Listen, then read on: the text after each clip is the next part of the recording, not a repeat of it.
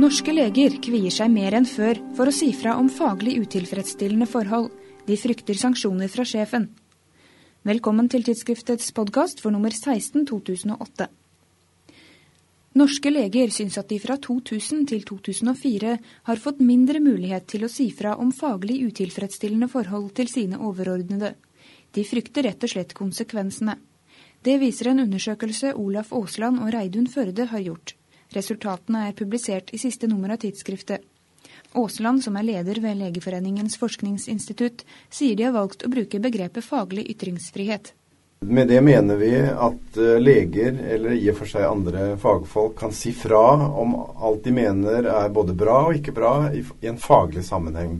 Altså med andre ord, hvis det er noe du mener eh, kunne vært bedre, så burde det ikke være noe problem å si fra det oppover i systemet, eller i og for seg også nedover.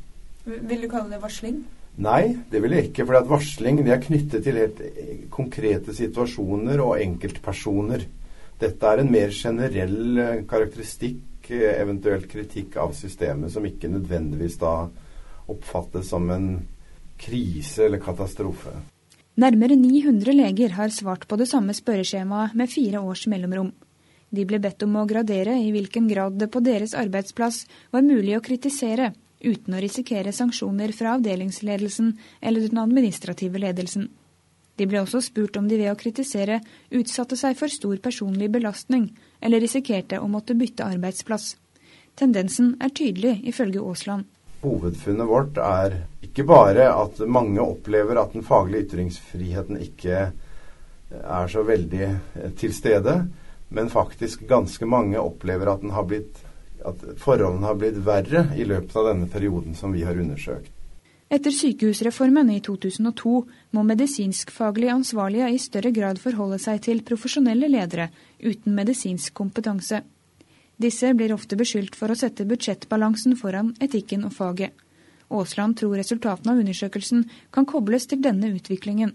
Vi setter det jo i sammenheng med at uh, måten sykehusene blir drevet på i økende grad på en måte er uh, vridd bort fra det faglige over til hva skal vi kalle det, det eh, kommersielle, det organisatoriske, administrative, som handler om andre ting enn det rent faglige. Altså sykehusreformen?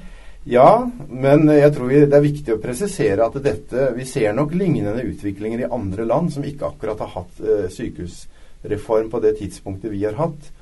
Vår sykehusreform er jo på en måte et fenomen som føyer seg inn i et internasjonalt fenomen, som er eh, det samme, nemlig at uh, en overføring av uh, ansvar for helseorganisasjoner til mer, skal vi si, kommersielt pregete organisasjoner og situasjoner der andre enn leger bestemmer. Hva slags betydning har det at leger kvier seg for å si fra? Vi tror at det, det viktigste antagelig er at man da ikke fanger opp viktige signaler om ting som absolutt ikke er gode nok. Og eh, at det da selvsagt kan føre til, i syvende og sist, til at pasienter får dårligere behandling enn det de egentlig skulle ha. De siste årene har jo vist, vist oss at det er helt utrolig hva det går an å skjære ned på et sykehus eller en sykehushelseforetak uten at det kanskje nødvendigvis går veldig mye på bekostning av kvalitet.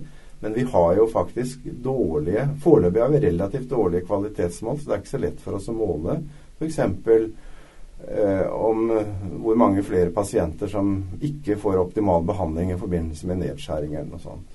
Denne trusselen mot pasientsikkerheten er et kraftig signal til sykehusenes administrative ledere om å få til en bedre dialog med legene, mener Aasland. Det er også legenes tydelige frykt for å miste jobben dersom de sier fra. For hvorvidt denne frykten er reell, er det kun ledelsen som kan svare på. Den eneste måten å finne ut det på, det er jo å få en bedre dialog mellom de som styrer og, og legene, da. Slik at man kan få dette litt mer opp i dagen. Og hvis det er sånn at legenes frykt er ubegrunnet, så må jo administratorenes første jobb være å få overbevist legene om dette at de har en ubegrunnet frykt.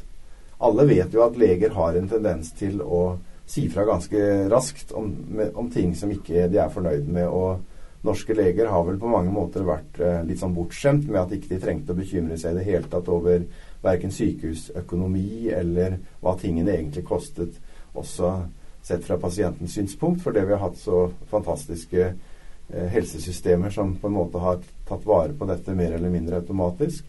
Men vi er jo nå for lengst inne i en situasjon der kostnadene er med på å bestemme hva som skal gjøres. Og legene er jo selvsagt en del av dette spillet.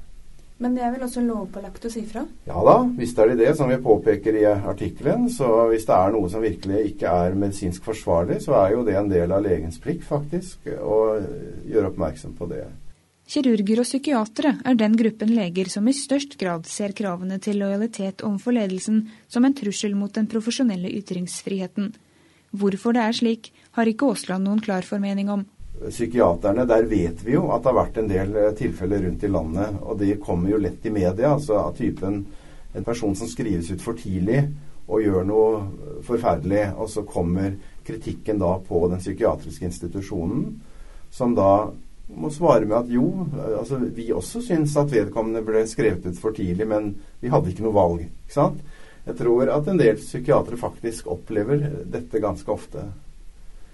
Kirurgene har kanskje ikke akkurat samme typen opplevelser der, men de er nok eh, De er jo sånn de er jo en egen gruppe som er veldig kontante og veldig direkte, som vi vet. Det er jo, det er jo fint, for det bør jo en kirurg være. Han bør jo ikke nøle når han først skal skjære. Så er nok, der er det nok kanskje mer med kulturen og personligheten muligens som gjør at de, at de eh, svarer bekreftende på sånne spørsmål som dette her. Du kan lese mer om dette i artikkelen 'Legers faglige ytringsfrihet'. Takk for at du hørte på tidsskriftets podkast.